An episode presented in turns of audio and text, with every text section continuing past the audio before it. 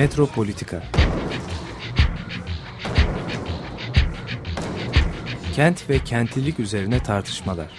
Ben oraya gittiğim zaman balık balık balık balık tutabiliyordum mesela.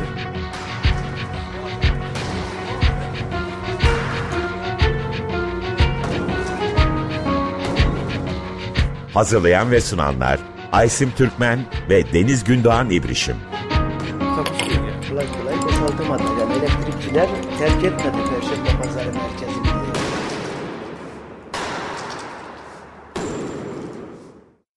Merhaba sevgili Açık Radyo dinleyicileri. Bugün programımızda Deniz Türker'i ağırlıyoruz. Doktor Deniz Türker, hoş geldiniz. Hoş bulduk. Ee, Kendisi Kadir Has Üniversitesi siyaset biliminde e, ders veriyor.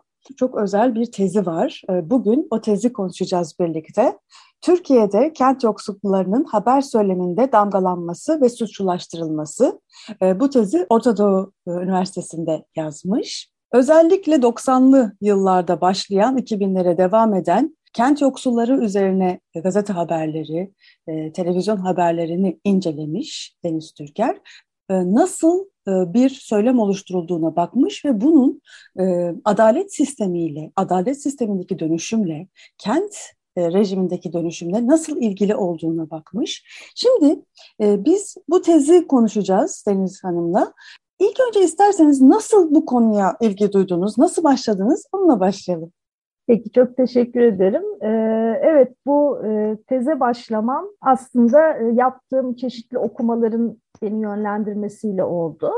Özellikle hani medya analizi yapmak zaten e, aklımda olan bir şeydi. Fakat bu dönemde e, Mark Neoclaus'un güvenlik siyaseti üzerine, güvenlik ve sermaye arasındaki ilişki üzerine yazdıklarını okuduktan sonra e, Türkiye ile bir e, bağlantı kurabileceğimi keşfettim. Çünkü e, Türkiye'de de e, benzer bir e, dönüşüm gerçekleşmişti aslında. E, bu dönüşüm e, tabii başka yazarlar da elbette e, Stuart Hall, Stanley Cohen gibi yazarların da e, çalışmalarından oldukça faydalandım. Bir e, cezai dönüşüm söz konusu. E, ceza rejiminde ve polislik stratejilerinde gerçekleşen bir dönüşüm. 2000'li yılların başına rastlayan. E, ve fakat aynı zamanda e, kentsel rejimde de yine aynı döneme denk gelen ciddi bir dönüşüm yaşanıyor. Bu iki e, başlık birbirinden bağımsız gibi görünse de özellikle medyada ve resmi söylemde e, kurulan suç anlatıları üzerinden bakınca cezai dönüşümle kentsel rejimdeki dönüşüm arasında çok önemli bir bağlantı olduğunu keşfettim. Çünkü burada aslında biz e, iki tip mantıktan söz ediyoruz ve bu iki tip mantığı ben bağdaştırmaya, bağlantılandırmaya çalıştım. Birincisi devletin ve sermayenin e, değişen kentsel politikalar ve kentsel dönüşüm projeleri çerçevesindeki neoliberal mantığı. İkincisi de artan sokak suçları söylemine dayandırılan ceza politikası ve polislik stratejileri çerçevesindeki güvenlik mantığı. Yani neoliberal mantık ve güvenlik mantığının e, ortaklaştığı e, ve birbirleriyle e, bağlantılandığı bir e, zemin olarak e, her iki alanın da e, özellikle kent yoksulları bağlamında ortak bir söylem ürettiğini e, keşfettim ve bu çerçevede bir e, medya analizi yaptım. 90'ların Ee, sonunda 2000'lerin başında bu haberlerde özellikle kapkaç üzerine çok fazla bir Evet. vurgu vardı. Kapkaç Evet. paniği diye nitelendiriyorsunuz. Nasıl Evet. bir söylem vardı? Nasıl oluşturuldu bu söylem? Yani kapkaç bir tür hırsızlık. E, hepimiz ne olduğunu biliyoruz kapkaçın. E, fakat bunun ayrı bir kategori olarak e, adlandırılması ve haberlerde ağırlıklı olarak yer bulmaya başlaması 1990'ların sonuna rastlıyor. Fakat medyada yer alma, aynı zamanda işte e, resmi söylemin sadece medyada değil, resmi söylemin de yani devlet söyleminde de yer alması 2000'lerin başlarına işaret ediyor. E, ben e, bu tezi yazarken ahlaki panik kavramına başvurdum ve e, kapkaçla ilgili bir ahlaki panik yaşandığını e, iddia ediyorum. Ahlaki panik Stanley Cohen'in kavramı ve kendisi 1960'larda İngiltere'de yaşanan e, işte belirli gençlik gruplarına yönelik e, işte medyada çıkan haberler, resmi söylem üzerinden bu kavramı e, ortaya atıyor. Mesele şu, belirli toplumsal grupların çeşitli düzen bozucu veya işte sosyal sapkın hareketlerinin e, medyada olduğundan daha fazlaymış gibi gösterilip abartılması ve çok daha büyük bir problemin semptomu olarak gösterilmesi. Bu İngiltere bağlamında tabii ki bambaşka bir şeye işaret ediyor. Fakat bizim bağlamımızda, benim tezimin bağlamında benim kapkaç meselesini ahlaki panik olarak almamın sebebi evet ortada bir suç var ki Stanley Cohen'in analizinde de var. Tabii gençlik, e, orada da gençlik çeteleri işte bir takım hani düzen bozucu eylemlerde bulunuyorlar ufak tefek de olsa. E, Türkiye bağlamında tabii ki kapkaç suçları var. Fakat bu kapkaç suçları üzerine kurulan söylem nasıl bir söylem? E, mesele bu. E, birincisi iki tane çok önemli e, özelliği var bu söylemin. Suçun e, sınıfsallaştırılması, e, kent yoksullarının suçlanması. İkincisi tüm kent yoksulları da değil, özellikle belirli etnik grupların suçlulaştırılmasının söz konusu olduğunu fark ettim. Bu etnik gruplarda e, Kürt göçmenler e, Doğu ve Güneydoğu Anadolu bölgelerinden büyük şehirlere özellikle İstanbul'a gelen göçmenler ve kimi zamanda e, İstanbul'da yaşayan Romanlar. Şimdi buradaki peki e, daha önce bahsettiğim hani daha büyük bir sorunun semptomu olarak bu suçun gösterilmesi. Daha büyük sorun ne? Aslında daha büyük sorun e, arka planda yatan e, bu Kürt göçü. 1990'larda yoğun bir şekilde yaşanan Kürt göçünün yarattığı korku, kentsel korku ve bunun doğrudan terörle ilişkilendirilmesi. Yani kapkaç haberleri aslında bir semptom bir e, doğu korkusunun veya Kürt göçü korkusunun semptomu. Bu yüzden e, kapkaç haberlerini aldım ve bu yüzden ahlaki panik olarak adlandırdım. Önemli olan e, nokta kesinlikle bu suçu reddetmek değil, fakat bu suçun nasıl söylemselleştirildiğini ve nerelere eklemlendiğini fark edebilmek. Kapkaç meselesinin kritik olduğunu düşünüyorum. Yani bu dönemde haberlere baktığımızda ki ben e, yaklaşık 2000 tane haber inceledim e, suç ve kapkaçla ilgili e, Sabah ve Hürriyet gazetelerinde. Ha bir de suç haberleriyle ilgili şöyle önemli bir nokta var. E, genelde suç haberlerini yazan muhabirler polis bültenlerine başvurur. E, polis bültenleri den bilgi alırlar. E, o yüzden hani suç haber yani bu genel olarak literatürde de böyle geçer hani e, yurt dışındaki çalışmalarda da hani suç haberlerinin bir özelliği vardır. Çünkü suç haberleri genelde polis bültenlerine dayanır. Bu da demek oluyor ki aslında biz suç haberlerini analiz ederken devlet söylemini analiz ediyoruz. Polislerin suçu nasıl aktardığını da okuyoruz biz. Kritik olan e, aslında şöyle bir hat çizebiliriz belki. Basit bir sokak suçunun bir ulusal güvenlik meselesi haline dönüştürülmesi ve e, adeta e, bir olağanüstü hal yaratılması. Bu e, yüzden e, Kapkaç çok ön plana çıktı. E, benim tezimin odak noktası oldu ve bunu ben daha sonra e, tabii hani Kapkaç e, meselesi çerçevesinde örneğin işte hani bu suçla nasıl mücadele edilir, ne yapmak lazım? E, hemen çıkan başka bir motif, öne çıkan başka bir motif, kapkaççılar nerede? Kapkaççıların yaşadıkları mahalleler, kapkaç yuvaları, suç yuvaları ve bu suç yuvaları da e, suç yuvaları diye medyada tabir edilen ki dolayısıyla resmi söylemde genelde e, Kürt göçmenlerin ya da romanların yaşadığı kentsel çöküntü mahalleleri. E, bu mahalleleri, e, buna belki daha sonra değiniriz, çeşitli polis operasyonları düzenleniyor yine aynı dönemde. Fakat buradaki kritik nokta kenti eğer bağlamak istiyorsak bütün bu hikayeyi, bu mahallelerin yine e, acil kentsel dönüşüm e, planlarına dahil edilmiş olması ve bu mahallelerin sakinlerinin yerlerinden edilmiş olması, çıkarılan, üst üste çıkarılan bir sürü e, ani e, ve son derece etkili ve kapsayıcı yasayla.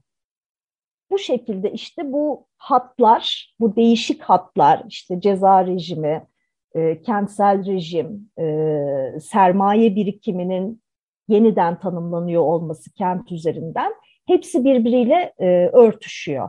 Evet yani o kadar katmanlı bir şeyden bahsediyorsunuz ki birbiriyle ilişkilendirilen.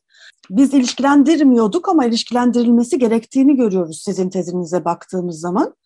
Hı hı. Şöyle bir durum da var değil mi? Yani bir yandan bu e, kapkaç e, yasası çıkıyor. Kapkaçla ilgili özel yasalar çıkıyor. Evet. Yani ceza evet. sistemi nasıl değişiyor? Yasalarla değişiyor. Yasalar çıkartılıyor. Yani 2-3 evet. sene, 4-5 senelik ceza alması gereken Hı-hı. suçlar bir anda neredeyse terör kapsamında sayılmaya başlanıyor ve 35 sene, 40 senelik Hı-hı. cezalar Tabii. veriliyor bu suçlara.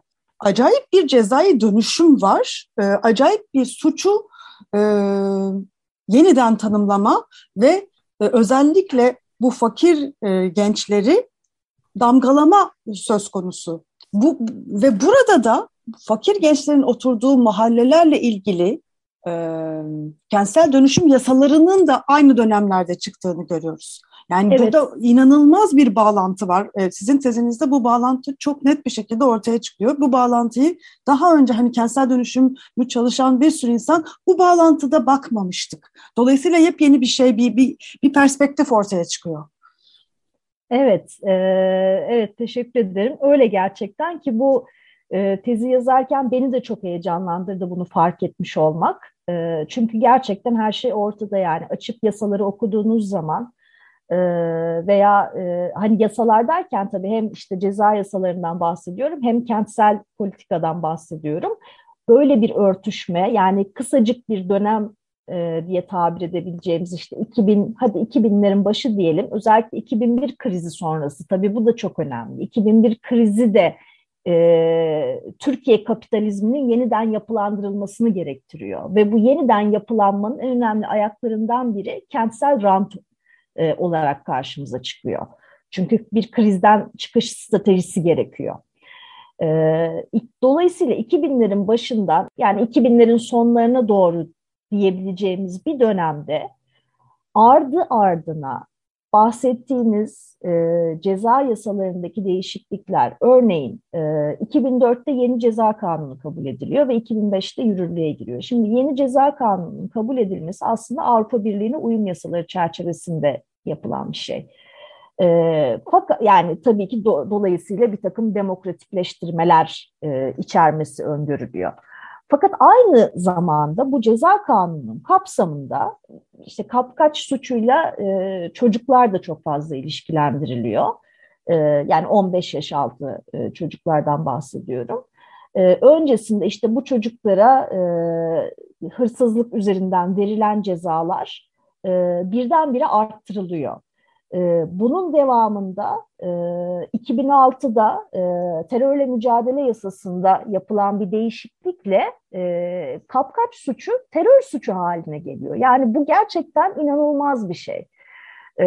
Tabii burada şu tip yan anlamları da daha doğrusu yan bağlantıları da gözden kaçırmamamız gerekiyor. Kapkaç suçu genelde Doğulu veya Kürt göçmenlerle bağlantılandırıldığı için aslında terör söylemiyle dolaylı olarak bu şekilde de bağlantılandırılıyor.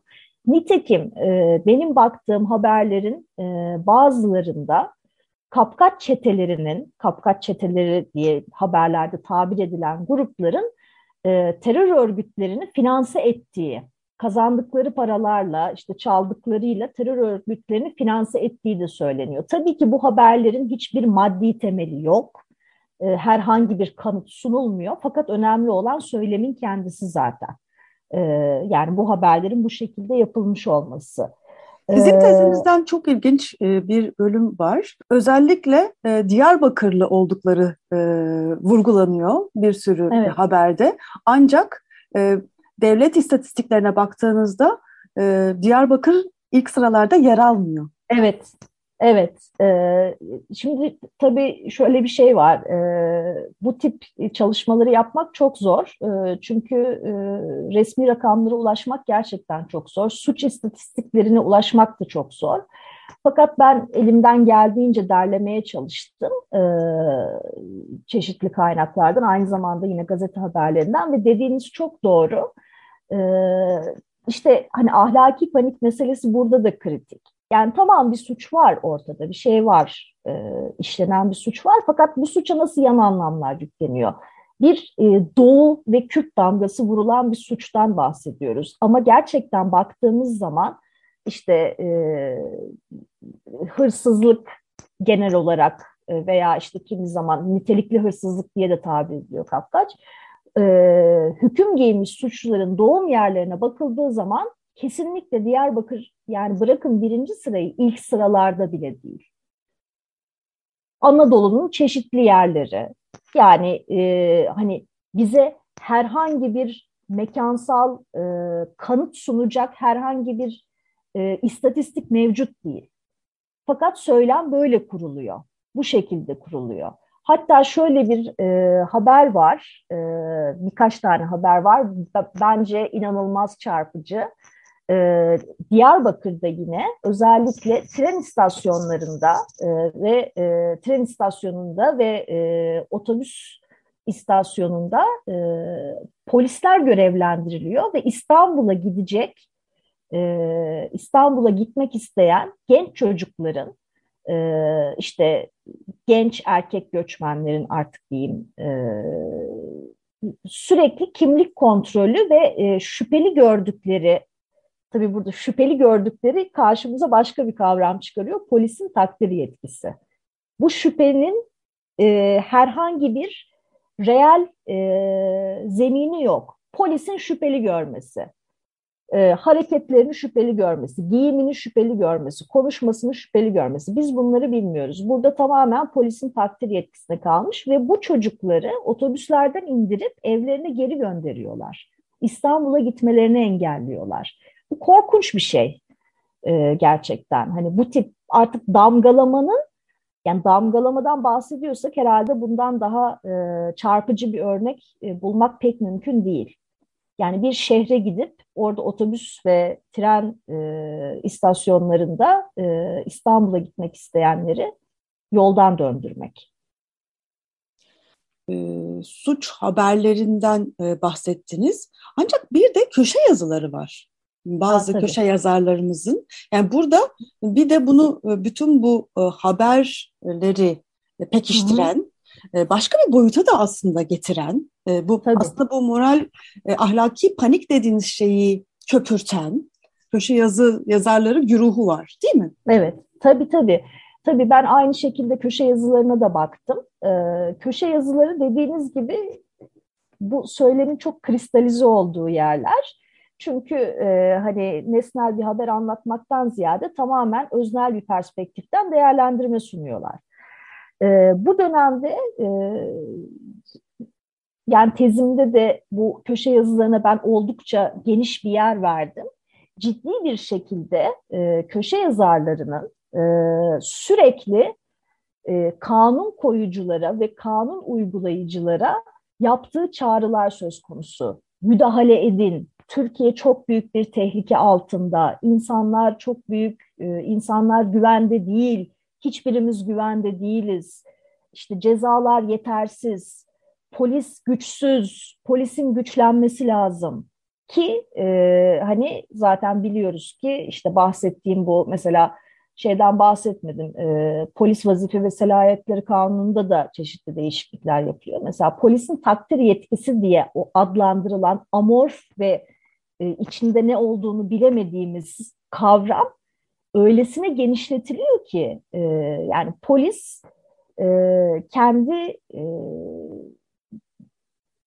bir takım yargılarına dayanarak diyeyim çok rahat bir şekilde tutuklama yapabilecek hale geliyor bu yapılan yeni düzenlemelerle birlikte ve köşe yazarlarının tam da yaptığı çağrı bu aslında. Ee, tabii bu aynı şekilde işte e, şeyle de bağlantı, bağlantılandırılıyor. İşte bu suçlu gruplar, suçlu, tehlikeli sınıflar biliyorsunuz. Bu da çok hani vakanın falan kullandığı bir tabirdir. Bu tehlikeli sınıfların yaşadığı mahalleler işte hemen önlem alınmalı. Tarla başına müdahale edilsin. Hacı Hüsrev işte tamamen çürümüş. Buralara müdahale edilmeli. Buralara giril, buralara polis bile giremiyor. Buralar işte bizim için yani yanı başımızda duran e, patlamaya hazır bombalar.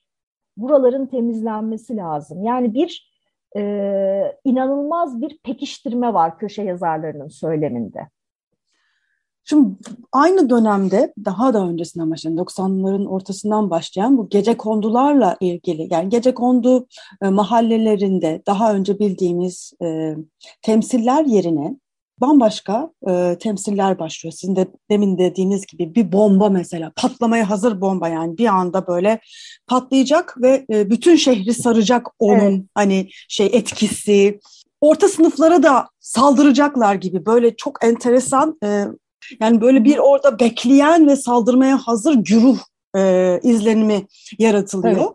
Evet. Ve gece konduların varoşa dönüştürülmesi hikayesi var tam da burada. Yani varoşlaştırma. Varoş ne demek? Nasıl çıktı? Aslında bu da enteresan e, bir başka e, evet. boyutu.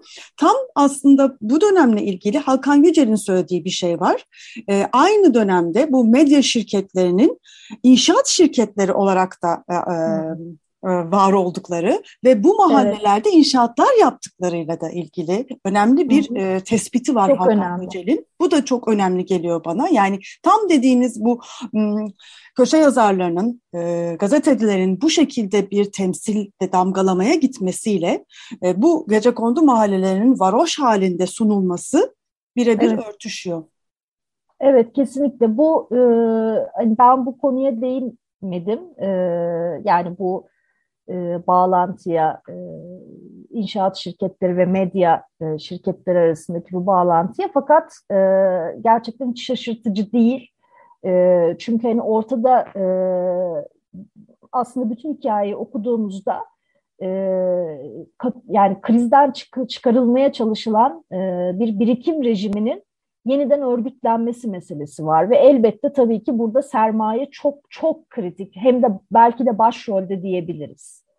Yani bu aynı zamanda ceza e, yasasına da e, yansıyor, kentsel rejime de yansıyor e, ve elbette tabii ki e, medya söylemine de yansıyor. Çok kısa bir müzik arası verelim. Bu e, çok ilginç, çok yepyeni bir boyutu açan e, sohbetimize. E, Kenny Arkana'dan dinliyoruz, Laraj. Evet, Kenny Arkana'dan dinledik, Laraj. Deniz Türker'le olan sohbetimiz devam ediyor. Özellikle 2000'lerin başlarında haber söylemlerinde olan damgalama ve suçlaştırma üzerine e, sohbetimiz devam ediyor. Bu tezde de kullanmayı düşündüğünüz bu parçayı e, bu Laraj parçasını neden seçtiniz? Neden sizin için önemli? Fransa'dan e, bir parça, evet. bir hip hop parçası. Neden, neler söylüyor bize bu parça? O dönemde e, yani şöyle hani tez yazarken benim çok dinlediğim hani Fransızca bilmeme rağmen e, hani İngilizce sözlerini e, bularak ederek dinlediğim bir parça 2006 yılında çıkıyor ki 2006 benim için çok kritik bir yıl. E, tam da bu işte o işte TOKİ'ye verilen e, şeyler e, ne denir ona yetkiler, e, işte kentsel rejimdeki dönüşümün e, hızlanması, aynı zamanda işte bu 2005 ceza yasası, ondan sonra terörle mücadele yasası falan. Tam benim bahsettiğim bu hani yoğun damgalama ve suçlaşmanın olduğu bir dönemde çıkmış bir parça Laraj. Laraj Fransa'daki kent yoksullarının öfkesini anlatıyor. Ee, özellikle de tabii e, biliyorsunuz Fransa'da da kent yoksulluğunun etnik bir boyutu var. Ee, özellikle e, işte Kuzey Afrikalı göçmenler, e, işte ya da diğer Araplar e, ya da diğer azınlıklar yani ciddi bir azınlık yoksulluğu söz konusu. Ve bu sadece yoksulluk değil, tabii ki bu kesimlerin sürekli dışlanması, sürekli suçlulaştırılması ve sürekli e, cezai e, yaptırımlara maruz kalması söz konusu. Kenny Arkana'nın parçası da Laraj da, Laraj öfke demek zaten. E, bir öfke e, yani bir adalet e, arayışı, bir adalet arzusunu anlatan çok da öfkeli bir parça ama e, zaten bu konuyu çalıştığınız zaman e, öfkelenmemek de mümkün değil yapılan hani haksızlığı e, gördüğünüzde. O yüzden e, benim için özeldir.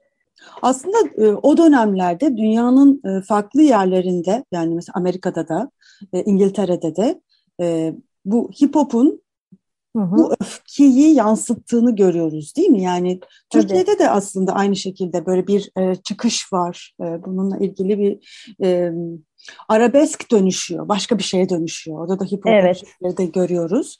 E, dünyada bu neoliberal sistem oluştukça e, kent yoksullarının e, suçlaştırılmasının nasıl e, birebir işlediğini yani bu özellikle kentin artık kentteki gayrimülklerin bir meta haline gelmesiyle kent yoksullarının e, barındığı mahallelerde, oturdukları mahallelerin değer kazanmasıyla ve onların gönderilmesi için e, yapılan düzenlemelerle bu öfkenin nasıl bambaşka bir şekilde de dışa vurduğunu görebiliyoruz. Türkiye işte diğer bahsettiğimiz bağlamlarla kıyaslandığında Amerika veya Fransa da bence çok kritik bu arada. E, çünkü e, hatta belki Latin Amerika ülkelerini de katabiliriz. İşte İngiltere dedik. E, bu tip coğrafyalarda aslında bu e, sınıfsal şiddete maruz kalan grupların öfkelerini çok daha belirgin bir şekilde dile getirdiklerini görebiliyoruz. Yine bu coğrafyalara kıyasla Türkiye'de aslında böyle bir şey söz konusu değil. Yani e, hani müzik de yerini buluyor, ifadesini buluyor olabilir. Gerçekten evet hip hop e, böyle ayrı bir janr olarak ezilenlerin e, dili olarak ortaya çıktı Türkiye'de de e, geçtiğimiz 10-15 yıl içerisinde. Fakat e, aslında pratikte böyle bir hani yoksulluk isyanı görmüyoruz biz Türkiye'de. Yani bir Fransa'da olan, Fransa'da yaşanan işte sarı ceketliler gibi veya işte Amerika'da yaşanan hani ırk ve yoksulluğun e, örtüştüğü bir takım isyanlar, ayaklanmalar Türkiye'de böyle bir e, durum söz konusu değil ki bence bu şununla da çok ilgili. E, siz konuşmanın başında gece kondu ve varoş e, kavramlarından bahsettiniz. Gece kondu kavramı biliyorsunuz tabii 1950'lere kadar gidiyor. İlk e, kırdan kente göçler ve onun sonrasında işte kent çeperlerinde oluşan yeni mahalleler. E, çok daha farklı bir söylem var. Çok daha kapsayıcı ve içerici bir söylem söz konusu. Ee, ve kesinlikle gece kondu sakinleri suçlu kesimler olarak gösterilmiyor. Hatta e, böyle bir bir tür e, hani sübvansiyon bile söz konusu devlet sübvansiyonu işte imar afları çıkıyor ve e, aynı zamanda tabii ki bu e, kesimler e, ciddi bir iş gücü çünkü bahsettiğimiz dönem bir sanayileşme hamlesinin de olduğu dönem Türkiye'de çünkü işçiler de bu kesimlerden geliyor. Bence e, hala bir miktar da olsa e, bu gece kondu söyleminin sonradan varoşa dönüşüp suçlulaştırılan kesimler üzerinde hala bir tür etkisi olduğunu düşünüyorum ben. O yüzden bu kadar büyük şiddet e, gösterileri yani bir ayaklanma yani bu kadar kentsel dönüşüm projesi yapıldı. Koskoca bir sulu kule ortadan kalktı, silindi. E, başka pek çok yerde e, işte Hacı Hüsrev'de benzer bir şey yaşandı, Sarıgöl'de benzer bir şey yaşandı. Ama e, biz böyle bu tip kitlesel protestolar görmedik. E, yani halkın ayaklandığı ne yapıyorsunuz diye hani ortalığı velveleye verdiği yani yine özellikle Fransa ve diğer coğrafyalarla karşılaştırıyorum. Yani Türkiye'de bir, bir banliyö şiddeti diye bir şey yok. E, ve ben hala bu eski gece kondu söyleminin daha kapsayıcı, daha devlet baba e, tarzıyla hani e, yaklaşan söylemin e, gölgesinin olduğunu düşünüyorum üzerinde. Bu burada enteresan bir şey daha var. Ben de dünyadaki hani bu, bu tür mahallelerin yapılanması, bu, bu tür mahallelerde yaşananlara baktığım zaman Türkiye ile karşılaştırdığımda bir fark ben de fark ediyorum. Gece konduların içinde yer alıyor mesela bu büyük siteler, büyük inşaat projeleri. Yani Hı-hı. bu mahallelerin tam ortasına geliyor, konuluyor mesela e, ve e, iç içe yaşıyorlar aslında. Yani mesela Tabii. bir Brezilya ile karşılaştırdığınızda ya da bir Paris'le karşılaştırdığınızda e, bunlar geto olarak farklı bir yerdedir. Yani bu e, suçlaştırılan işte e, fakir mahalleleri bambaşka Hı. yani mekansal ayrışma çok nettir aslında. E, özellikle ben Paris'e gittiğimde e, şey çok şaşırmıştım yani bu periferik denilen e, işte Paris'in çeperinde olan e, otoyolun dışındaki mahalleler. Yani o kadar net ki hani böyle hani görüyorsunuz. Evet. Ama Türkiye'de öyle değil yani. Mesela işte Göktürk'e baktığınızda, Çekmeköy'e baktığınızda bu kenar mahalleleri, benim baktığım kenar mahalleleri gözlemlediğinizde gece kondularla şeyler iç içe. Böyle bir fark e, yani dünyada pek bunun olduğunu ben e, görmedim.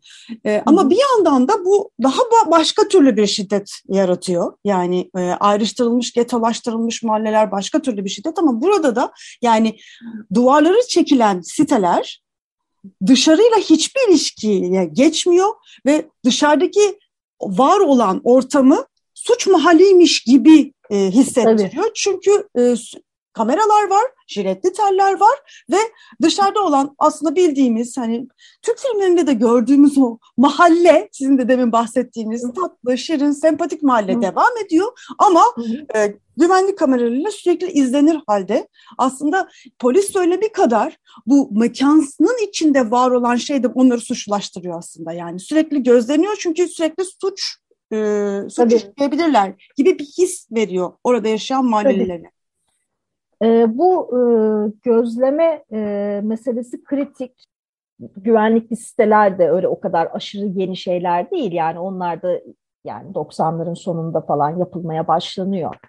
E, fakat bu gözetleme halinin sistematikleştirilmesi de yine çok ilginç. Yine 2000'lerin ortaları. E, yani biz e, sürekli e, dönüp dolaşıp aynı döneme denk geliyoruz yine. E, işte Mobese'nin e, ortaya mesela Mobese ilk olarak e, İstanbul'da ve e, Diyarbakır'da kuruluyor 2005 yılında. Yani bakın yine yine aynı yine aynı dönem inanılmaz bir şekilde yine aynı döneme denk geliyor. E, fakat bu bu tabii ayrı bir hikaye gözetleme meselesi. E, yani söylediğiniz çok doğru. E, Türkiye'deki bu yani gettolaşma çok bahsedebileceğimiz bir kavram değil.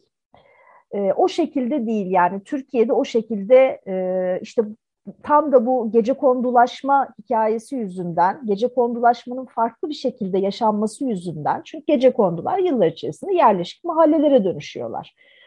Ee, Türkiye'deki hikaye aslında hani bu varoş dediğimiz yani e, gece kondunun suçlu versiyonu diyebiliriz belki işte tehlikeli versiyonu. E, tam da kent merkezinde olan bölgeler. Çünkü bu e, başka bir süreç de e, bu arada işin içinde sanayisizleşme dediğimiz, deindustrialization dediğimiz kentsel e, merkezlerin e, ya da merkezdeki kentsel bölgelerin e, özellikle işte imalat sektöründe önemli rol oynayan boşalması ve bunların çeperlere kaçması. Bunların boşalmasıyla birlikte bu alanların çöküntü mahalleleri, çökün, e, çökmeye başlaması. Hem fiziksel olarak hem e, işte ekonomik olarak çökmeye başlaması ve göçmenlerin parçalı bir şekilde gelip buralara yerleşmeleri söz konusu. Bu yüzden de bu iç içelik ve bu tuhaf girift e, hani coğrafi şey ortaya çıkıyor, formasyon ortaya çıkıyor. E, ben tezi yazarken e, bu güvenlikli sitelerle ilgili de çok fazla şey okudum e, ve oralarda yapılan alan çalışmalarını da çok okudum. E, güvenlikli site sakinleriyle işte yapılan röportajlar, görüşmeler gerçekten inanılmaz bir korku var. E, fakat hani birazcık kazıdığınızda bu korkunun altında yatan hiçbir somut bir şey yok. Yaşanmış bir olay söz konusu değil bir ne bir yani e, ağır bir suç hani yaralama vesaire gibi ağır bir suçu geçtim hırsızlık bile yok. Yani hani mutlaka tabii ki tek tük olmuştur. Hani hiçbir şey yok anlamında söylemiyorum bunu ama öyle orantısız bir korku var ki e, yani bu korkunun temeli ne? Yani nereden çıkıyor bu? Yani şeyden bile işte işte lüks jipiyle işte atıyorum e, siteden çıkış yapan bir site sakininin işte önünü e, önüne gelip camını silmek isteyen bir işte çocuğu veya genci kendi e, sözcükleriyle aktarmaya çalışacağım aklımda kaldığı kadarıyla. O kadar korktum ki ezip geçmek istedim. Ee, evet evet yani bu başka bir alan çalışmasında yapılan bir röportajdı. O kadar yani bana şey olmuş ki hani zihnime işlemiş ki unutmamışım bunu. Yani o kadar korktum ki frene basmadan ezip geçmeyi bile düşündüm. Geçmek istedim diyebilecek kadar. Ki hani burada olan hiçbir şey yok. Arabanın içinde cam cam silmek isteyen oradaki bir e, insan ve e, bunun yarattığı devasa korku. İşte bizim yani benim anlamaya çalıştığım zaten tam da bu bu korku nasıl oluştu? Yani çünkü ortada baktığımızda bu kadar büyük bir korkuyu oluşturacak bir şey yok. Ve daha da önemlisi bu korku neye hizmet etti? Aynı şekilde ben de Çekmeköy'de e, bu siteleri ve duvarları e, çalışmaya başladığımda yani bu duvarların dışında var olan mahallelerin e, gerçekten yani inanılmaz bir şekilde sunulduğunu görmeye başladım. Çünkü dışarıda hakikaten hani tavukların, horozların olduğu bahçelerinde gece kondular vardı. Evet. Ancak yani varoş diyerek zaten hani bu bu terimle birlikte zaten bir sürü şey oluşturuluyor. Yani bu Macarcadan geliyor ve kentin duvarlarının ötesi anlamına gelen bu kelimede e, bir sürü şey var. Gayri resmi, yasa dışı, dışarıda ve e, Demirtaş ve Gözaydın'ın söylediği bir şey daha var varoşla ilgili. Bu tanımların eksik bıraktığı her şeyi şiddet ve tehdit de dahil ederek varoş tamamlıyor. Yani evet. O öyle bir şey ki yani varoş dediğiniz anda zaten hani bütün bunların ötesinde artık katlanarak giden bir korku ögesi, korku mekanı ve evet. sadece bunu Hakan Yücel'le de tanışmıştık. Varoş dediğimiz zaman mekan ve aslında varoşlu yani varoşluya da varoş deniliyor. E, mekan insanı da tanımlayan hale geliyor. Çok enteresan bir, bir birleştirme de yapılıyor burada ve tam da sizin tezinizin e, anlattığı şey bu haber söylemleriyle iç içe oluşturuluyor, yasalarla iç içe oluşturuluyor e, ve kentsel dönüşüm yasaları ve kentsel dönüşüm sistemiyle birlikte oluşturuluyor. Ee, aslında şahit olduğumuz şey e, belirli bir dönem içinde olsa e, çok e, acımasız bir e, kent rejimi ve e, bunun mağdurları Ha, fakat bunun e, resmi ve medya söylemine yansıyan e, versiyonu çok farklı. E, bir güvenlik meselesi, halkımızı korumak, işte e, gerekli e, işte polisimizi e, gerekli donanımı vermek her anlamda hem yasal donanım hem fiziksel donanım. Ee, şöyle ilginç bir şeyden söz edeyim. Ee, 2000'lerin ortalarında yine e, bu Hüseyin Çapkın e, İstanbul Emniyet Müdürü olduktan sonra e, önce İzmir e, Emniyet Müdürü İzmir'den İstanbul'a geliyor. Bir performans bonus sistemi oluşturuyor poliste. Ve bu sisteme göre ha bunun öncesinde de tabii onu söylemek lazım. Şehir şehirde suç haritaları oluşturuluyor. Şehrin bu sıcak noktaları denen bölgeler belirleniyor. İşte bu bölgelerde zaten hali hazırda konuştuğumuz bölgeler, Tarlabaşı gibi mahalleler, Hacı Hüsrev gibi mahalleler, işte Sarıgöl, Karabayır vesaire bu, bu tip mahalleler. Ee, ve e, her suçun bir puanı var. Ee, yani bir polis işte e, hırsızlıktan, e, ne bileyim ben e, işte kapkaçtan, e, işte vesaire artık değişik işte uyuşturucu satmaktan vesaire yakaladığı suçluya göre puan alıyor. Bir skala var. Şimdi buradaki kritik nokta şu. E, polislere yine polisin takdir yetkisi denen o e, ucubeyle karşılaşıyoruz burada. Polislere şu e, yetki tanınıyor. Siz e, kendi takdirinize göre gidip istediğiniz yerlerde devriye gezip tutuklama yapabilirsiniz. E tabii ki bu performans sistemi maaşa yansıyor prim olarak. Ve yani bu şu demek aslında. Yani e, zaten belirli bölgelerin adı çıkmış, buralar zaten damgalanmış. Siz burada gidip tutuklama yapabilirsiniz ve yaptığınız tutuklama başına puan alacaksınız. E, bu yüzden de işte şüpheli görünüyor. Hani şüp, tipi şüpheli, şüpheli görünüyor diye e, bir sürü tutuklama yapılıyor, bir sürü tutuklama gerçekleştiriyor. Çünkü bunun sonucunda puan alınacak. E, bu sistem hala yürürlükte mi? E, o konuda bir bilgim yok. Ama şunu çok net söyleyebilirim. Yani 2007 yanlış hatırlamıyorsam 2007'de bu sistem e, şeydi daha önce İzmir'de uygulanmış. E, İzmir'in de çok bu anlamda hani ilginç bir e, şeyi var. E, ilginç bir case yani İzmir'de. Ee, ama e, işte zaten hani e, aynı emniyet müdürünün daha sonra İstanbul'da tayin olmasıyla doğrudan İstanbul'a ithal ediliyor e, bu sistem. Benim de e, o dönemlerden bu yana çalıştığım ve gözlemlediğim bir şey var. Site katalogları genelde biliyorsunuz bu siteler hı hı. deminden beri konuştuğumuz üzere kenar mahallelerde, şehrin çeperinde e, oluyorlar ve bu site kataloglarına baktığımız zaman sitelerin duvarlarını, duvarlar da gözükmüyor kataloglarda bu arada. Duvarları da koymuyorlar. Ama duvarların dışında göz, gözüken yerler sadece bayır olarak gözüküyor. Yemyeşil çimenler. Aa. Evet. Bu benim mesela, mesela Avrupa konutlarının kataloglarını mesela hatırlıyorum. Yani bazı böyle Gazi Mahallesi'nin ortasındaki sitelerin katalogları mesela. Yani bazı böyle hani gerçekten çok çarpıcı. Yani hakikaten böyle yemyeşil e, bir doğanın içinde. Orada insanlar yaşıyor. Orada evet. yani en azından 30-40 senelik mahalleler var. Bir sürü dinamiği var. Bir sürü değişik yani bitki örtüsü bile yemyeşil bayır değil. Yani bırakın hani insanları, mahalleleri, evleri, şeyleri. Yani farklı farklı bitki örtüleri var. Ağacı var, şeyi var. Yani hayvanları var. Yani böyle evet. inanılmaz bir yok sayma ve aslında o kataloglar da deminden beri anlatmış olduğunuz şiddetin bir parçası bence. Yani bütünüyle o orayı yemyeşil gösterme. Aslında yoksunuz, yok olun diyen ve ondan sonra da hani içeride yaşayanlara da sürekli bu hani aslında biz buraya şeye gelmiştik, bayıra çayıra gelmiştik ama aslında orası korku doluymuş dedirten. Yani katalogların aslında e, çizimi esnasında oluşturulan bir şiddet bu. İkisi evet. beraber e, yürüyor. Tabii tabii bence de bu e, yok sayma çok önemli bir nokta. E, kesinlikle e, kesinlikle ağır bir şiddet biçimi.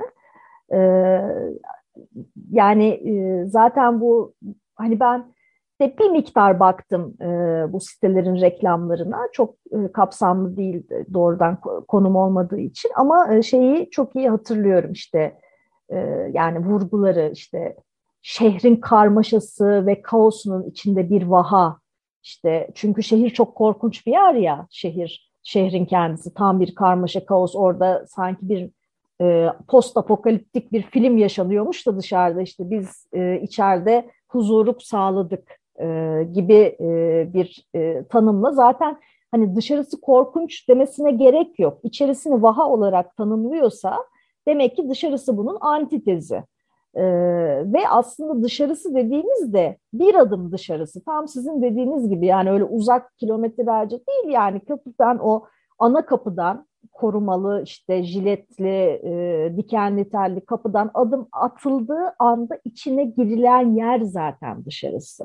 Şurada su sızdırıyor diyelim, çatlak veriyor ya da.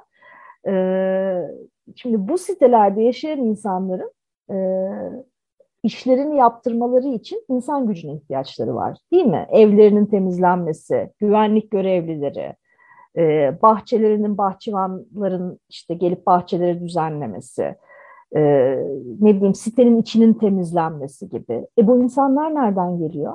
İşte tam da o bir adım attıkları, bir adım sonra içine girdikleri mahalleden geliyor bu insanlar. Çocuklarının bakıcıları. E, o yüzden aslında e, çok karmaşık e, bir mesele söz konusu. Yani bu kadar korktukları e, bir e, bölgenin ya da mekanın e, sakinlerinden sürekli olarak hizmet alıyorlar. E, bu bence çok kritik. Hatta benim yani benim özellikle ilgimi çeken mesele güvenlik görevlileriydi, site güvenlikleri. Çünkü site güvenlikleri genelde bu hemen yanı baştaki mahallede yaşayan insanlar oluyor. Haliyle yani en çünkü kolay e, hani oradan e, gelebilirler. E, özellikle bu insanların deneyimlerini çok merak ediyorum ben.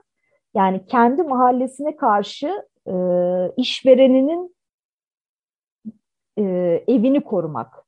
Yani çok e, çok ilginç. Çünkü hani mesaisi bitince o da kalkıp o kendi e, koruduğu e, başkalarına karşı koruduğu yere geri dönüyor, evine dönüyor. Sonra sabah gidip tekrar kendi mahallelisine karşı e, işte onların herhangi bir şekilde işte içeriye girme e, teşebbüslerine vesaire karşı korumaya devam ediyor. Yani e, bu duvarlar e, fiziksel olarak varlar, e, çok da görünürler, e, çok da abartılılar dediğimiz o işte jiletler, diken teller. Ama aslında e, zihinsel duvarlar çok e, çok daha ilginç. O zihinsel duvarları incelemek çok daha ilginç. Çünkü aslında e, hiç de basit değil. Ve e, bunları tabii ki insanlar gündelik yaşamları sırasında oturup düşünmüyor. Ya ben buradan korkuyorum da benim evimin temizlikçisi oradan falan. Hani bunlar düşünülmüyor. Fakat bunlar gerçekten e, üzerine düşünülmesi e, gereken noktalar. Araştırılması hatta belki. Duvarlarla, e, fiziksel ya da beynimizdeki duvarlarla, kafamızdaki duvarlarla kenti bölüp parçalayıp aslında kent olmaktan çıkartıyoruz gitgide. E, ve bu yani nasıl neoliberal e, yasalarla, farklı farklı Hı. alanlardaki neoliberal yasalarla bu sistemlerle e, bu hale getiriliyor. E, bugün programımızda e, Deniz Türker ve teziyle biz bunu e, tartıştık, konuştuk. E, çok teşekkür ederiz sevgili Deniz evet. Türker. Ben teşekkür ederim. Çok e, keyifli bir sohbet oldu benim için. Evet, bu haftalıkta bu kadar diyoruz. İyi haftalar.